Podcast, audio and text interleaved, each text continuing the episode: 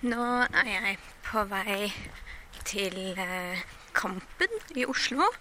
Og der skal jeg møte Geir Gulliksen. Og han er en av våre ja, en av våre betydningsfulle samtidsforfattere. Skriver eh, både lyrikk og særlig romaner i de siste årene. Har også skrevet for barn. Og så jobber han som redaktør i Oktober forlag. Og samtalen vår i dag skal handle om eh, ja, skrivearbeid generelt, og om eh, å, å skrive om identitet og å finne en eh, identitet som forfatter.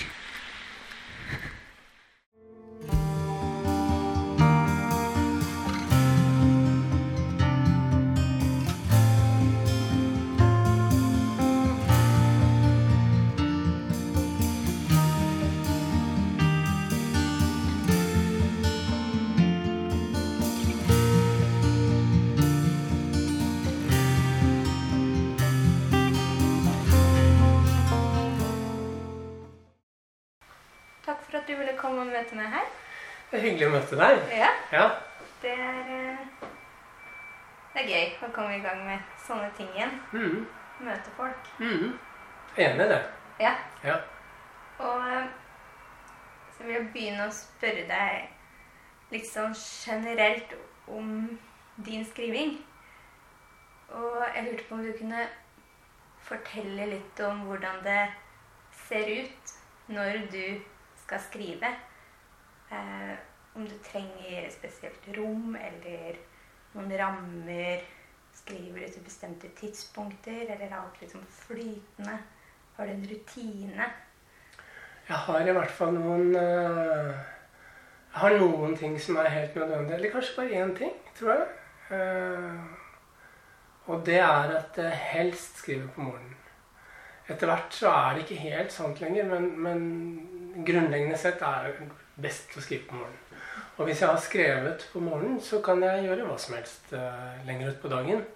Men hvis jeg starter dagen med å snakke med folk, eller ha møter, eller uh, rote rundt i, i byen eller sånn, så er det ganske vanskelig for meg å skrive etterpå. Det er liksom den ene regelen jeg har.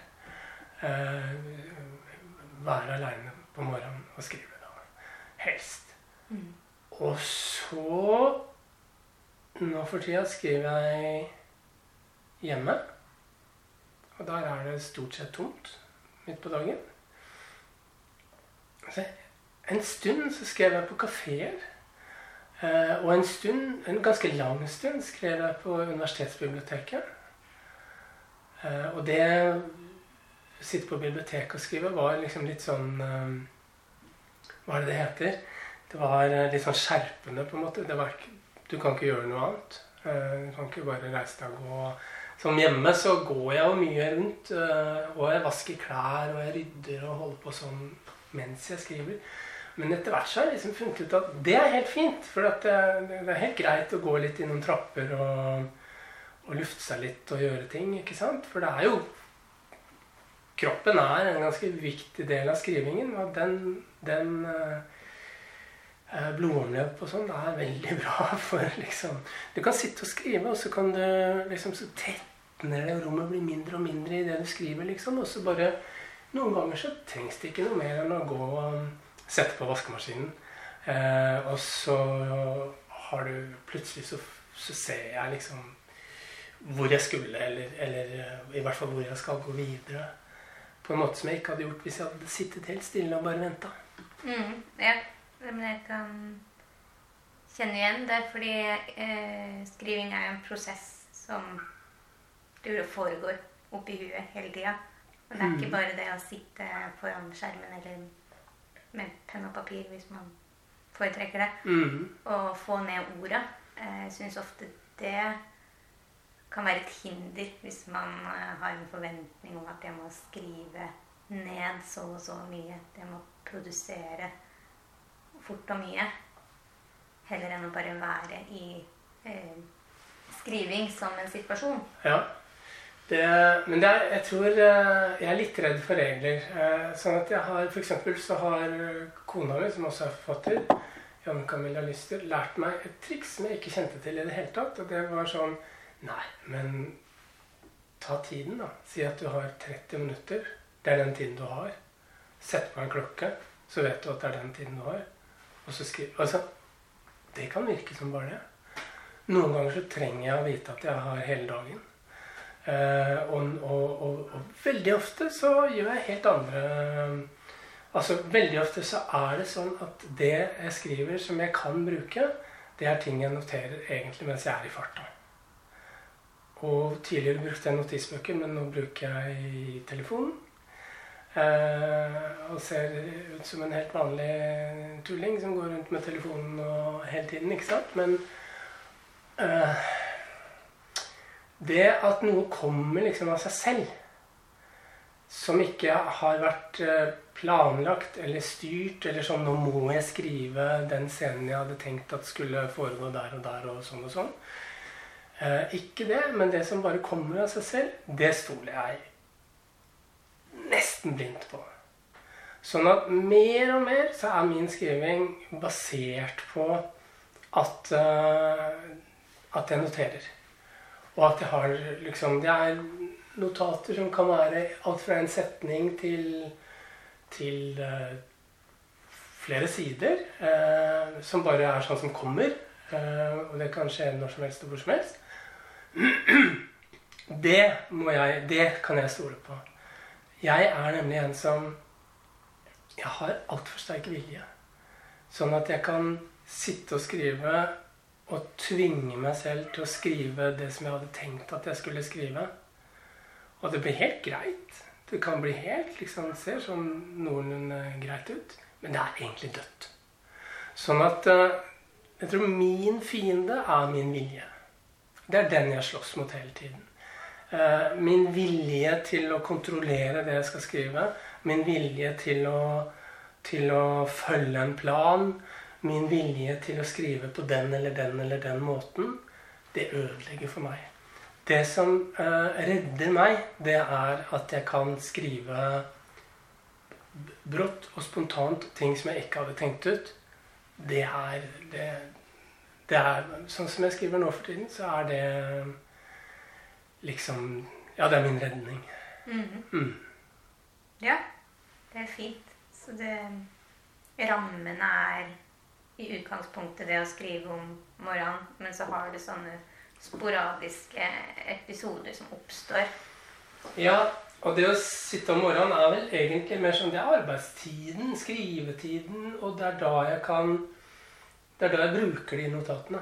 Det er da jeg liksom øh, Du vet, helt sånn rent konkret sende det der notatdokumentet fra telefonen til min egen mail hente det opp i mailen, lime det inn i et dokument, og så se på det, og så velge Ja, jeg tar det nå i dag. Ikke sant? Eh, og så begynne å jobbe med det. Som, og bruke det jeg har notert, liksom. Eh, så det For man må jo ha det òg. Man må jo ha den der eh, som er sånn ren sånn jobbing.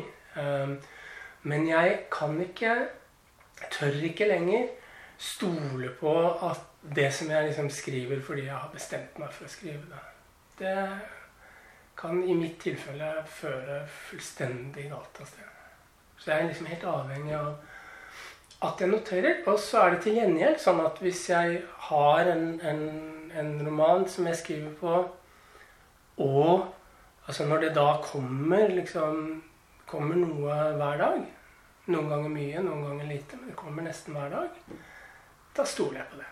Jeg da har jeg den romanen. Da kommer jeg til å skrive den. Eh, og så lett er det jo ikke, selvfølgelig, men for det er fullt av vanskeligheter og fullt av eh, Jeg gjør mange feil. Um, men jeg, har, jeg syns det jeg har lært meg etter å ha skrevet relativt lenge, er at uh, jeg vet ganske mye om hva slags feil jeg er tilbøyelig til å gjøre. Så jeg kan litt lettere unngå dem. Og litt lettere gjennomskue meg selv når, når, jeg har enda en gang satt meg ned og skrevet noe som bare er styrt av vilje. på en måte. Mm. Mm. Går du mange runder med et manus? Ja, mange. Ja. Eh, jeg, synes, jeg husker Alice Munro, som jeg har vært veldig opptatt av. Tror jeg, hun sa en gang noe sånt som at uh, Jeg tror hun sa at jeg har et materiale som er svakere enn mange andres, men jeg gir meg ikke. Jeg sitter med det til det blir noe.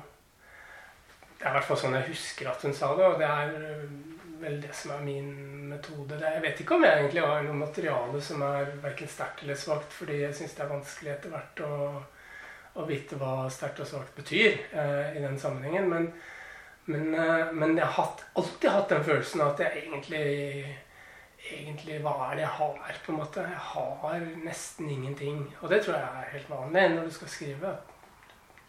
Du har nesten ingenting. Men det jeg har lært meg, er det der at å holde ut det å ha nesten ingenting. Og jobbe med det jeg da har. Og så plutselig så har man en hel del, liksom.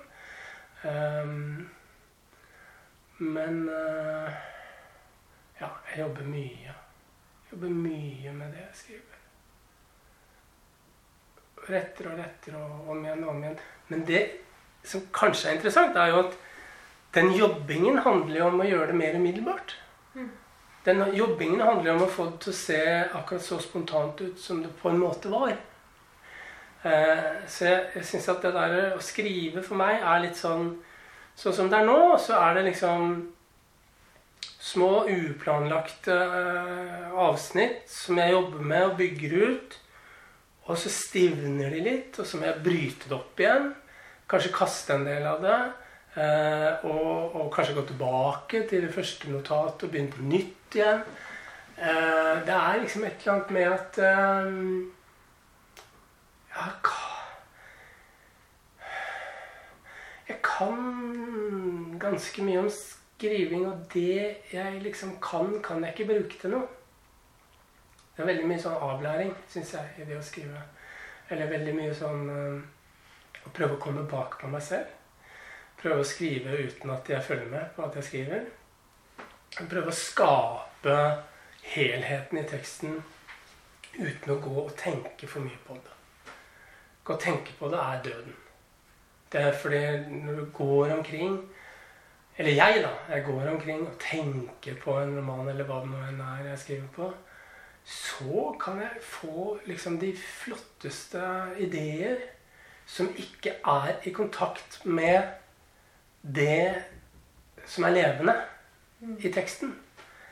Eh, og det jeg har ødelagt mange ting på det å, å, å få liksom veldig sånn klare planer. Så det er eh, Min skriving er nå mer kaotisk enn det noensinne var. Jeg skriver på en roman nå. Det føles nesten litt galt å si at jeg skriver på en roman, eh, fordi jeg har Jeg tror kanskje jeg har 60 dokumenter. Eh, og de går jeg inn og skriver i ut, ifra en sånn Jeg går litt inn der i dag, liksom. Eh, jeg har en idé om helheten, men, men, jeg er livredd for å lukke det. Livredd for å begynne å sette det sammen. Jeg er så redd for å ødelegge det som jeg tror jeg har der. Eh, eller det som jeg håper at kan være der. Eh, sånn at Ja, det handler veldig mye om å, å utsette det Liksom at, at at formen er gitt. Og det handler veldig mye om å prøve å slippe vekk fra han der forfatteren. Mm.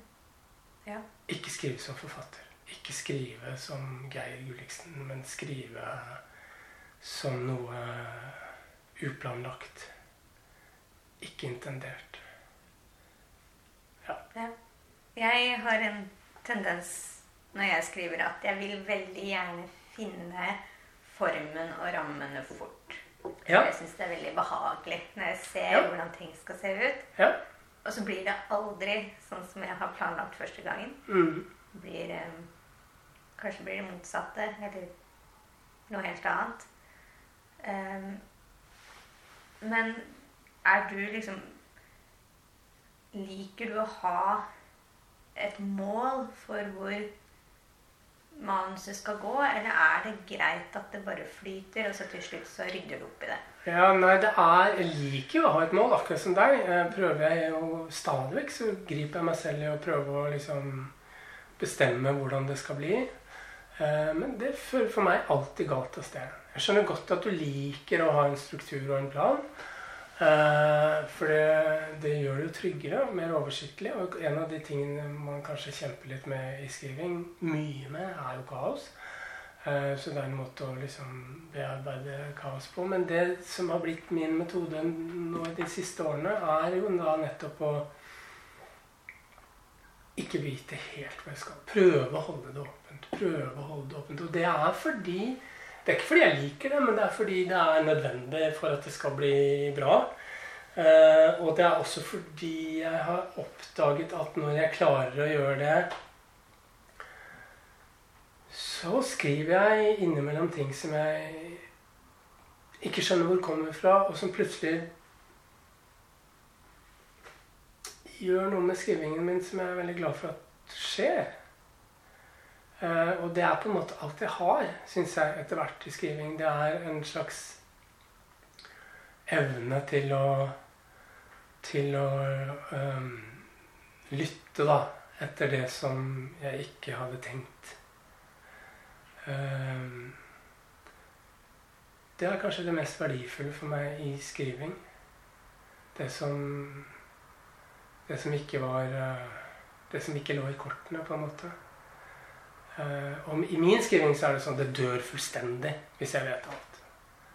Og, og det dør ganske sterkt hvis jeg vet veldig mye. så, så, men det er ikke fordi jeg liker å ha det sånn. Jeg liker ikke kaos. Jeg liker, ikke, jeg liker å ha orden, og jeg liker å, ha noe å holde meg til. Og, og, jeg misliker den der følelsen av at um, jeg aner ikke hva jeg skriver på, vet ingenting. Er det egentlig noe? Mest sannsynlig er dette ikke verdt noe som helst misliker det akkurat like sterkt som, som, alle andre. Men det er forskjellen på meg nå og for kanskje 20 år siden, eller ja, 15 år siden. Det er at jeg uh, mer og mer har lært meg å leve med det. Mm. Og at jeg tror kanskje hos meg så er usikkerhet en stor kraft. Man kunne tro det var omvendt, ikke sant? At uh, hvis du kan ha litt større selvtillit som forfatter, så er det bra. Uh, men det ser ut som jeg er best i stand til å bruke usikkerhet. Mm. Det er et uh, Tove Jansson-sitat fra Mummibøkene. Eh, det er deg som sier at allting er så usikkert, og det er det som gir meg ro. Ja. Det er fint, det. Ja. Mm. Og det, jeg tror disse tingene som vi snakker om nå, er ting som nesten alle, i hvert fall veldig mange som skriver, oppdager. Og, men problemet er at jeg må, jeg må lære det på nytt. Mm. For hver bok, og så må jeg egentlig litt lære det på nytt hver eneste dag. Selv om jeg sier det nå som om det er ting som er liksom Det er sånn jeg jobber, og det er sånn jeg skriver, så er det jo Det må liksom læres på nytt. Jeg må oppdage det på nytt. Nesten hver dag. fordi, ja, fordi viljen begynner å stikke av sted med ting. Mm. Legge, prøve å legge ting liksom i ro. Mm. Mm. Men du jobber jo som redaktør også. Ja. Eh, og hvordan er den dynamikken mellom å være skrivende selv og jobbe med andre som skriver?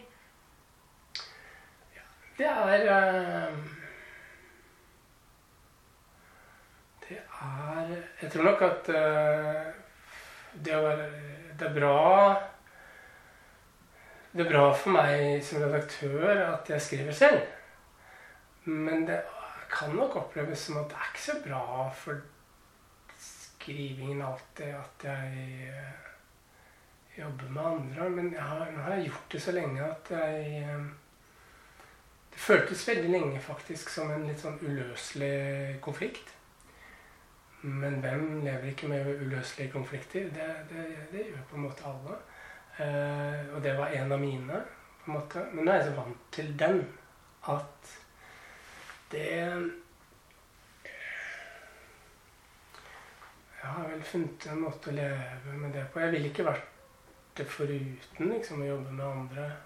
Er sterkt knytta til mange av de jeg jobber med. og sånn, så det, det, det, er ikke sånn at jeg egentlig går og når som helst egentlig ønsker å slutte å jobbe som redaktør. Det, det kommer jeg nok ikke til å gjøre før, før jeg må det. Eh, men det er ikke konfliktfritt, altså. Det er litt sånn uh, uh, Ja. Det er to veldig, veldig forskjellige ting. Men det er jo også veldig bra for en som skriver, å ha andre ting å tenke på. Å ha andre mennesker å tenke på. Å ha andre å forholde seg til. Uh, for, fordi det er den andre siden av det. At for meg nå er det fryktelig lenge siden jeg bare hadde meg selv å tenke på. Men jeg husker at det ikke var eh, en bra tid. så for meg er det bra å ha familie, bra å ha en jobb. Eh, I mange år nå så har jeg jobbet på en mye friere måte. Er mye hjemme. Eh, det er nødvendig for skrivingen. Det er helt nødvendig. Men jeg jobber jo nesten like mye med andres tekster som jeg, som jeg, gjorde før, men bare på en litt annen måte.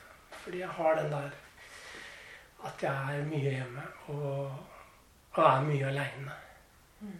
Um, det som kanskje hadde vært den største faren, tror jeg, for en forfatter å jobbe i forlag, det er det derre Det er ikke så veldig bra å være i eh, et sånt der kulturmiljø når du skal skrive.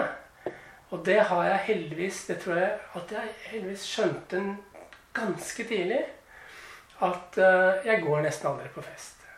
Jeg er nesten aldri med på arrangementer, sånne ting som egentlig hører til den type jobb, men akkurat det kan ikke jeg. Uh, jeg blir helt ødelagt av det. Og det ødelegger fullstendig skrivingen min, og det ødelegger veldig mye annet også. Uh, og jeg prøver å hva, føler meg ikke som en del av Det er sikkert dustete å si, men jeg føler meg liksom ikke som en Jeg føler meg ikke som en del av litteraturen, liksom. Eller av en bransje eller sånn. Jeg føler meg ganske utafor. Jeg vet at det sikkert ikke ser sånn ut, men jeg føler meg temmelig utafor. Og det er også en slags redning for meg. Uh, fordi at uh, og jeg gidder ikke å gå og diskutere alle mulige eh, Så du hva den gjorde, eller den skrev, eller hvordan kan de anmelde den boka, sånn og sånn. Jeg gidder ikke, sant? Har ikke giddet det på mange år. Har holdt meg unna det. Eh, eller altså så godt jeg kan, da. Um, og det tror jeg det, det tror jeg veldig sterkt på. Det tror jeg alle som skriver, kan ha godt av. Holde seg unna liksom, litteraturen og litterære miljøer og sånn. Eh, fordi det blir eh, fort nok smått og, og innsnevra det vi holder på med. Og all menneskelig virksomhet er jo liksom veldig definert av, av um, at vi er så sosiale. At vi, at vi, tilpasser oss hverandre. At vi prøver å bli en del av, av en større helhet. Eh, og alt det der tror jeg er fi, eller fremmed for, for, skrivingen, på en måte. Jeg tror at, eh, at I hvert fall jeg, da. Hvis jeg skal prøve å skrive bra, så, så må jeg på en måte eh, Prøve å skrive som om jeg ikke er eh, del av noen ting. Ikke kjenner til Egentlig ikke kjenner til liksom hvordan folk tenker om meg, eller hvordan folk tenker om skriving for tida. Eh, jeg synes Noe av det kjedeligste som skjer i litteratur, er det der at man får, kan få den der følelsen at det er sånn vi skriver nå. Og har du ikke skjønt det, liksom? Har du ikke skjønt at vi gjør det ikke sånn, vi gjør det sånn? Eh, det er Jeg syns at det kan man se, at det er så mange som går litt under på grunn av det der. Og jeg er livredd for det. Jeg har vært livredd for det um, fra tidlig av. Uh, ja. Dette ble en hel preken. det er fint, det. Når du leser eh, andres manus når andre er i en prosess, og du skal veilede dem eh, på det, så regner jeg med at du greier å ha en distanse til det de skriver, og greier å se ja, dette funker godt, og dette er ikke utvikla nok, og her må du ta andre valg, men dette må du la stå. Den type tanker. Eh, men klarer du å ha det samme perspektivet på det du skriver selv, eller har du en for stor nærhet til det, sånn at du ikke greier å Ja, jeg kan ikke bruke noen ting av det, tror jeg, Nei. som jeg bruker overfor andre på meg selv. Jeg husker det var en, en i Sverige en gang som anmeldte en av mine bøker som sa ja, ja, han vet, hva han, vet nøyaktig hva han gjør, og det er jo livsfarlig, men det går bra likevel. Og det, det fikk og det er jo Men jeg vet ikke hva jeg gjør når jeg skriver. Aner ikke hva jeg gjør. Eh, så jeg er jo avhengig, like avhengig som alle andre av at noen ser det utenfra, på en måte. Eh, men på den annen side så er, vet jeg ikke om jeg Det å lese andres tekster er jo også en litt sånn eh, Det er jo en slags, er slags kaos i den prosessen òg, syns jeg. Fordi i hvert fall sånn som jeg har etter hvert lært meg at jeg leser, og at jeg funker, så er det vel sånn at uh, hvis teksten er på et mm, relativt høyt nivå, så så tror ikke jeg på at jeg skal sitte og si hva som trengs. Eh, fordi Og det syns jeg er en litt sånn utbredt misforståelse av at man kan liksom gå inn på andres ting og si Nei, det må være mer sånn og mindre sånn og mer sånn og mindre sånn. Uh, hvis det er på sånn relativt høyt nivå litterært, så tror jeg man skal være litt varsom. Og det betyr ikke at jeg ikke liksom har meninger, eller at, jeg, at, at, det, at det ikke betyr noe hva jeg sier, tror jeg. Men, men jeg det, er, det som jeg er blitt mer og mer opptatt av, er det der at hvis vi vil at litteratur skal være noe annet enn underholdning, da, så må vi nesten tro at det er en grunn til at folk skriver. Og da må vi nesten tro på det at folk skriver eh, av forskjellige grunner. Og det de skriver, kommer fra et sted som bare er deres. Altså de, Man skriver i en tradisjon og alt det der, men, men at, at liksom selve flammen i det, på en måte varmen i det, kommer fra noe som er eh, dypt personlig. Det tror jeg steinhardt på. Folk må gjerne være uenige, men jeg, da hadde ikke jeg giddet å holde på med litteratur hvis ikke det var sånn. Uh, og da er det ikke sånn at du kan sitte og si om en tekst at den du burde gjøre sånn, og du burde ikke gjøre sånn, og du burde gjøre sånn. Fordi løsningen jeg kan se, er jo bare mine løsninger. Uh, og de kan være helt fremmede for den som skriver. Og noe av det verste som kan skje i en prosess mellom en som skriver og en som leser, er at den som skriver, føler seg bundet. Du må gjøre det på den måten fordi redaktøren din, du tror at redaktøren din vil ha det sånn. Og så er det kanskje ikke det som gjør det bra. Sånn at det man da må gjøre, er jo på en måte å være i stand til å hjelpe folk til å øh, Ja, til å finne sine løsninger.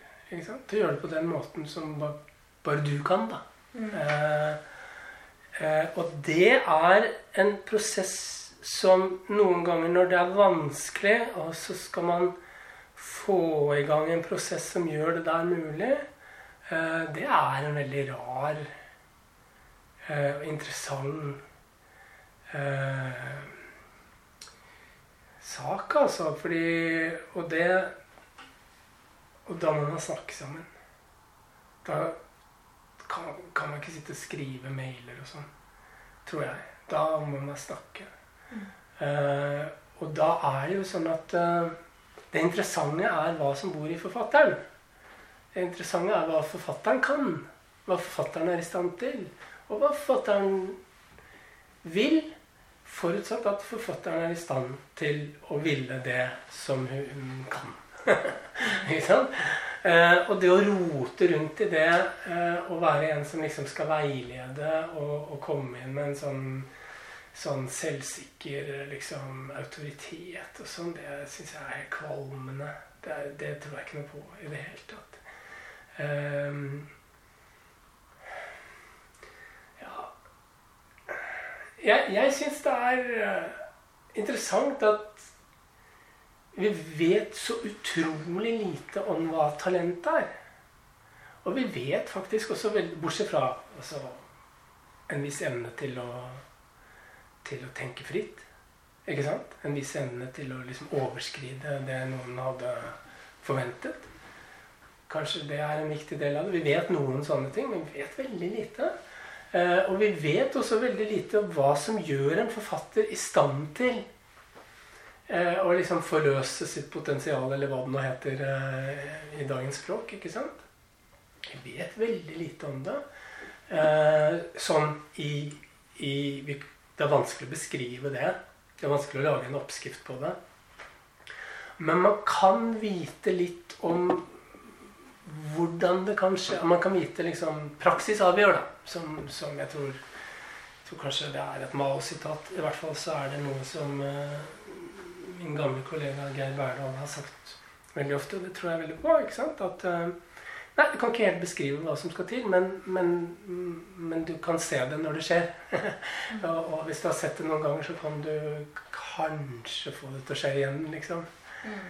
mm. Det er veldig mye Jeg syns det er veldig mye sånn uh, firkanta, fastlåste, pompøse meninger om hva som skal til for at folk skal skrive bra, i forhold til hvor lite vi veit om det. Mm. Ja. ja. Jeg vil også spørre deg litt om dette med eh, skriving og identitet. Ja. Både å skrive om eh, identitetsspørsmål, men også å finne sin identitet som forfatter. Og jeg lurer på om Tror du at man kan utvikle en identitet? Sånn forme sånn, Dette er en sånn forfatter jeg skal være. Eller har man det man kommer med, og det er forfatteridentiteten, hvis man skal kalle det det? Ja.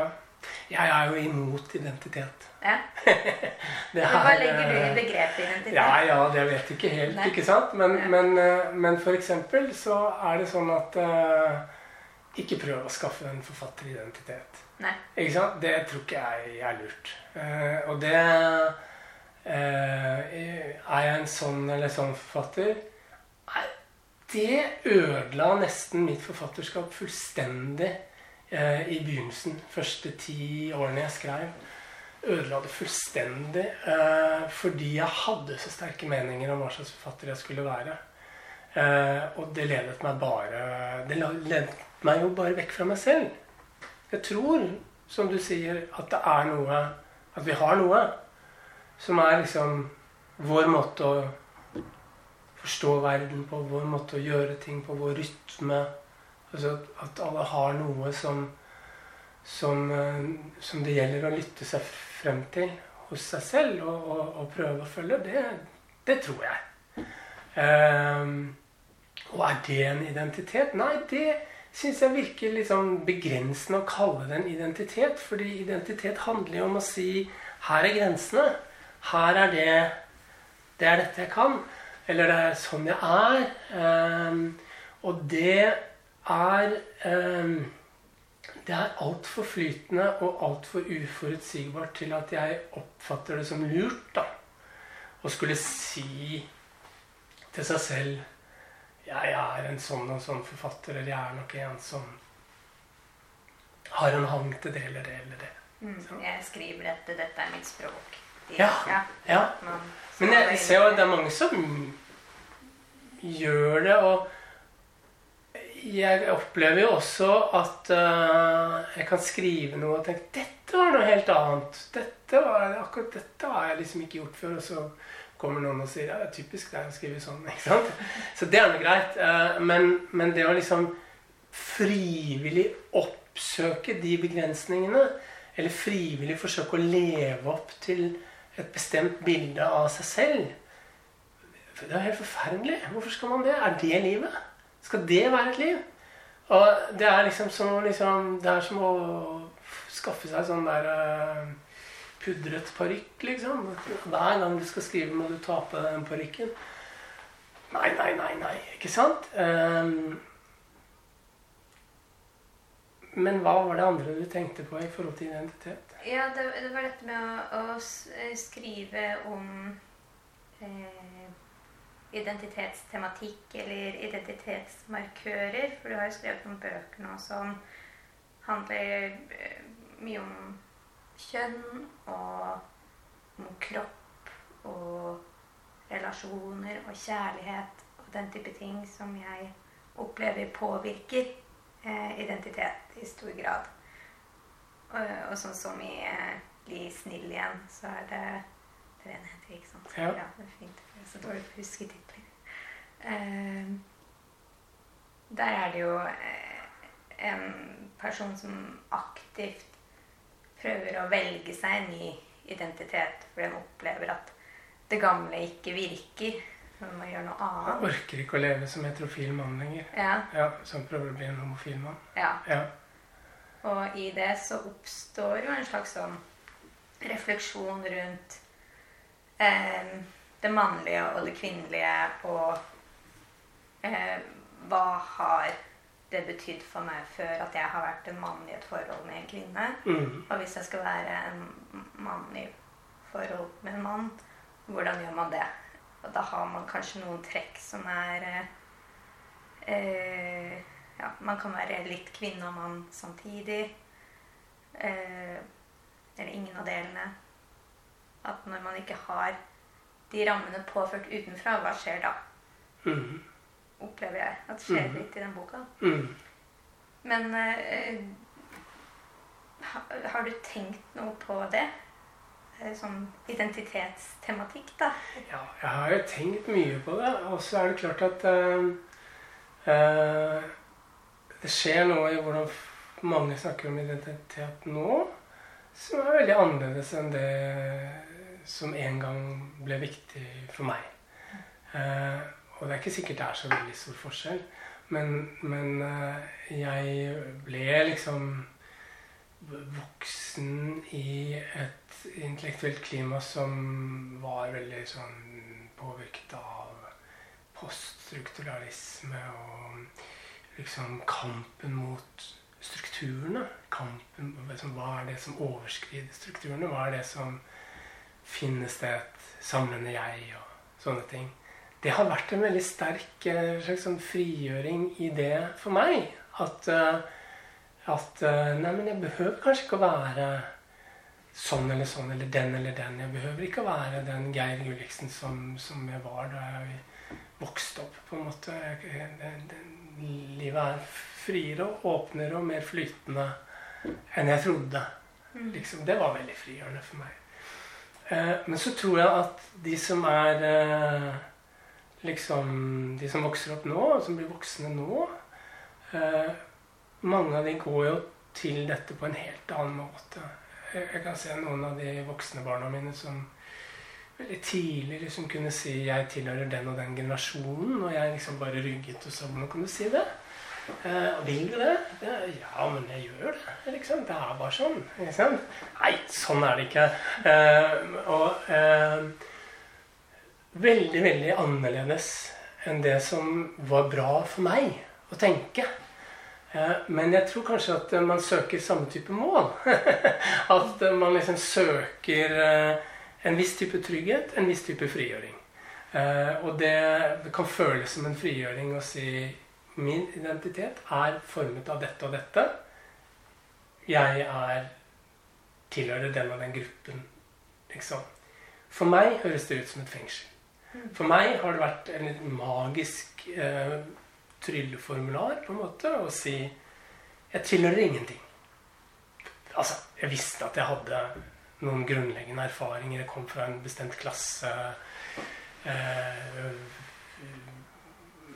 Ikke sant. Jeg måtte etter hvert innrømme at jeg er en slags mann, selv om jeg helst ikke ville være det. Sånne ting. Uh, så det er jo Ja. Men det har hele tiden vært en sånn sterk kraft for meg, det der å skulle bryte vekk, bryte ut. Uh, slippe vekk fra de, de, begrensningene. Og der stiller jeg meg jo litt fremmed til at en hel del mennesker nå syns det ser bra ut for dem å skulle representere noe. Det er ikke bra for meg. Hvorfor skal jeg liksom se på meg selv som en representant for mitt kjønn, f.eks.? Det har jeg aldri klart. Eh, men i noen sammenhenger må jeg gjøre det likevel. Jeg kan ikke bare si at jeg er helt fri. Jeg er jo ikke helt fri. Men, men akkurat det der eh, For meg så har skrivingen vært veldig, veldig forbundet med det å bryte fri forbundet med det å si nei til identitet, på en måte, så langt det er mulig, da. Ikke mm. sant? Mm. Uh, og det Men ja uh, Det opptar meg litt, det der at uh, Du kan bruke hva du vil, bare du klarer å bruke det, på en måte. Mm. Ikke sant? At om man, om, om man opplever det som frigjørende, og samtidig at det gir en tilknytning og en trygghet. At man kan si at den og den identiteten er min. Så er det antagelig fint, altså. Det er bare det er veldig fremmed for meg. Mm. Jeg er veldig redd for det for min egen del. Um, og det har kanskje vært den viktigste grunnen til at jeg kunne skrive og ville skrive, var liksom det at uh, at jeg uh, kjenner meg ikke igjen i fortellingen om verden. Jeg kjenner meg ikke igjen i fortellingen om menn. Eller det å skulle være mann. Uh, det har vært liksom et slags sånn Jeg vil ikke! Jeg vil ikke inn i det! Det har vært kanskje den viktigste grunnen til å skrive, da. Um, og det er det vel på et eller annet vis fortsatt. Mm. Ja, men jeg kan jo være enig i at det er et, det er et stort fokus på eh, at man skal avgrense en tydelig identitet. Det er i hvert fall sånn nå. Jeg vet ikke hvordan det var før. Eh, og at det ses på som en god ting at du setter de rammene for deg selv. Det er også sånn vi holdt på med på skolen. så Nå skal alle sitte med et ark, og så skal du skrive navnet ditt i midten, og så skal du finne fem ord som handler om deg. Mm -hmm. Så sitter man og er 12-13 år og skal ja. definere seg selv ja. før man vet noen ting. Ja. Og, det, og så skal man gjøre det før man er klar for at noen skal få vite noe om en. Det alle gjør da, det er at de finner på de ordene som ikke sant, som Det er ikke helt sant. Men du føler at det kan jeg si om meg selv. Da får jeg være litt i fred. Ja. Det er i hvert fall greit å være disse tingene der. Ja. Dette er ikke farlige ting å være. Jeg kan skrive ja. at jeg er en søster, eller at jeg er, eh, eller at jeg er en datter, eller at jeg, jeg, mm. jeg er grei. Mm. Sånne ting. Eh. Men det er jo det motsatte vi trenger å lære. Mm. Det vi trenger å lære, er hva med alle de tingene vi ikke har språk for? Hva med alt du kjenner i deg selv? som det ikke fins noe språk for. Hva med ditt ubehag overfor visse situasjoner og, og, verden i det hele tatt? Hva med din, hva med din nysgjerrighet og din glede som ikke er liksom at jeg er søster, eller at jeg er grei, eller at jeg er uh, interessert i hester eller datamaskiner? Ikke sant? Det, det, er liksom Det er disse tingene, uh, og hvordan kan jeg finne frem til de tingene i meg selv? Uh, på en måte som, som På en måte som er bra for meg. Liksom. Hvordan kan jeg finne et språk om meg selv som, som, gjør at jeg kan holde ut med meg selv og med de andre? Det, der, I det der ligger det noen muligheter, og de mulighetene er noe som litteraturen kan gi oss. Synes jeg, At Hvis det fins et levende språk for noe som ikke bare er en illustrasjon av noe man vet fra før, men noe som, som er en beskrivelse av noe eh, Som er fornemmelser, men som man ikke helt eh, vet hva handler om. Der ligger liksom litteraturens muligheter, syns jeg. Og der har jeg også gjort eh, noen store feil i forhold til hvordan jeg har snakka om mine egne bøker. Og det, det er sånn eh, Som den romanen 'Bli snill igjen', som du nevner, er, er jo liksom Jeg har snakket om og om igjen om den romanen som handler om mannlighet og handler om ditt og datt. Det er en veldig sånn grei måte å snakke om det på. Det handler jo om noe helt annet.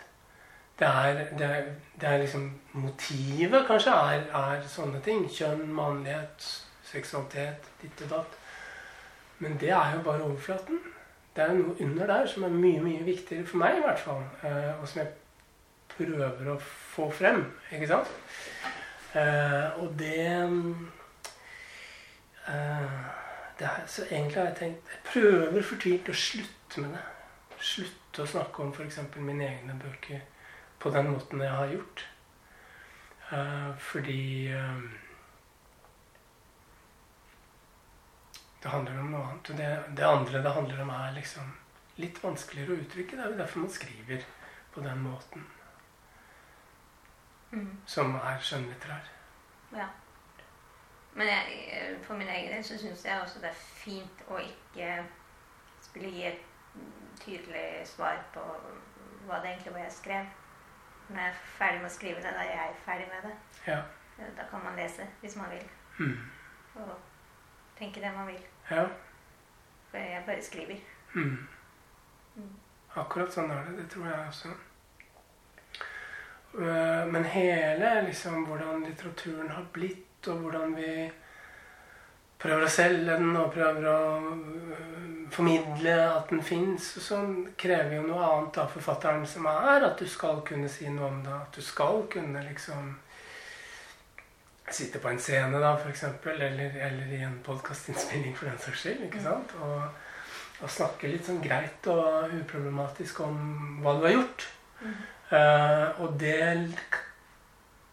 kan man lære seg å gjøre på en eller annen måte, men man kan uh, Ja, man, man, man, kan bli litt for flink til det. Mm. Tror jeg. Men det, det, er jo noe i at for veldig mange så er det å skrive eh, både forløsende og lindrende og Det hjelper. Det er mm. godt. Og så er det også noe mange strever med. Eh, med å skrive godt nok, strever med å få til å skrive i det hele tatt. Og man kan bruke forfattere som en slags trøst eller veileder når man har det sånn. Mm. Og i det så er det jo ikke forfatterens oppgave å hjelpe andre til å skrive eller til å finne et uttrykk selv. Men det er noe de kan bidra med hvis man vil. Mm.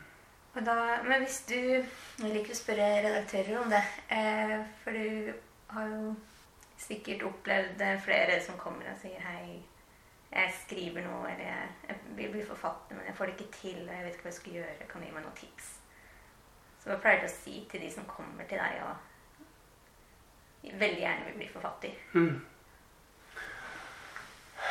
Ja Hva pleier jeg å si?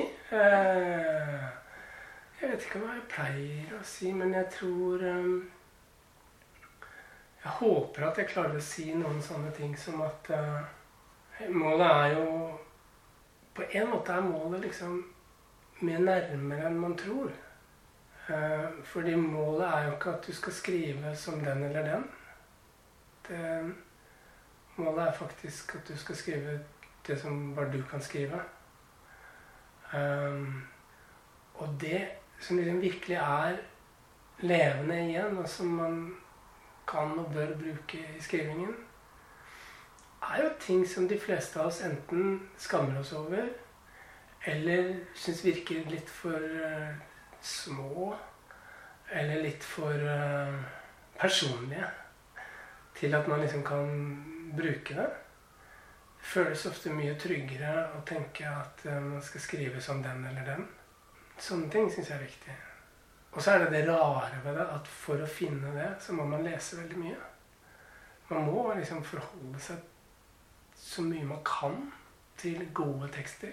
Tekster man opplever at er gode. Ikke for å ligne på dem, men for at man skal få vekket liksom den, den uh,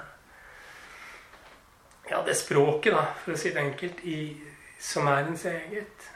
Uh, det tror jeg steinhardt på at det finner man lettest ved å lese andre. Uh, og det er visse forfattere som jeg ofte leser, f.eks., som jeg vet at hvis jeg leser litt av det, så kommer jeg litt nærmere noe i meg selv som jeg trenger å være nært for å skrive. Og da handler det ikke om å ligne på den eller den. Da handler det bare om at det jeg leser, åpner meg, da, for, for å si det banalt. Um, du har noe som bare er ditt. Det er det eneste du kan bruke når du skal skrive.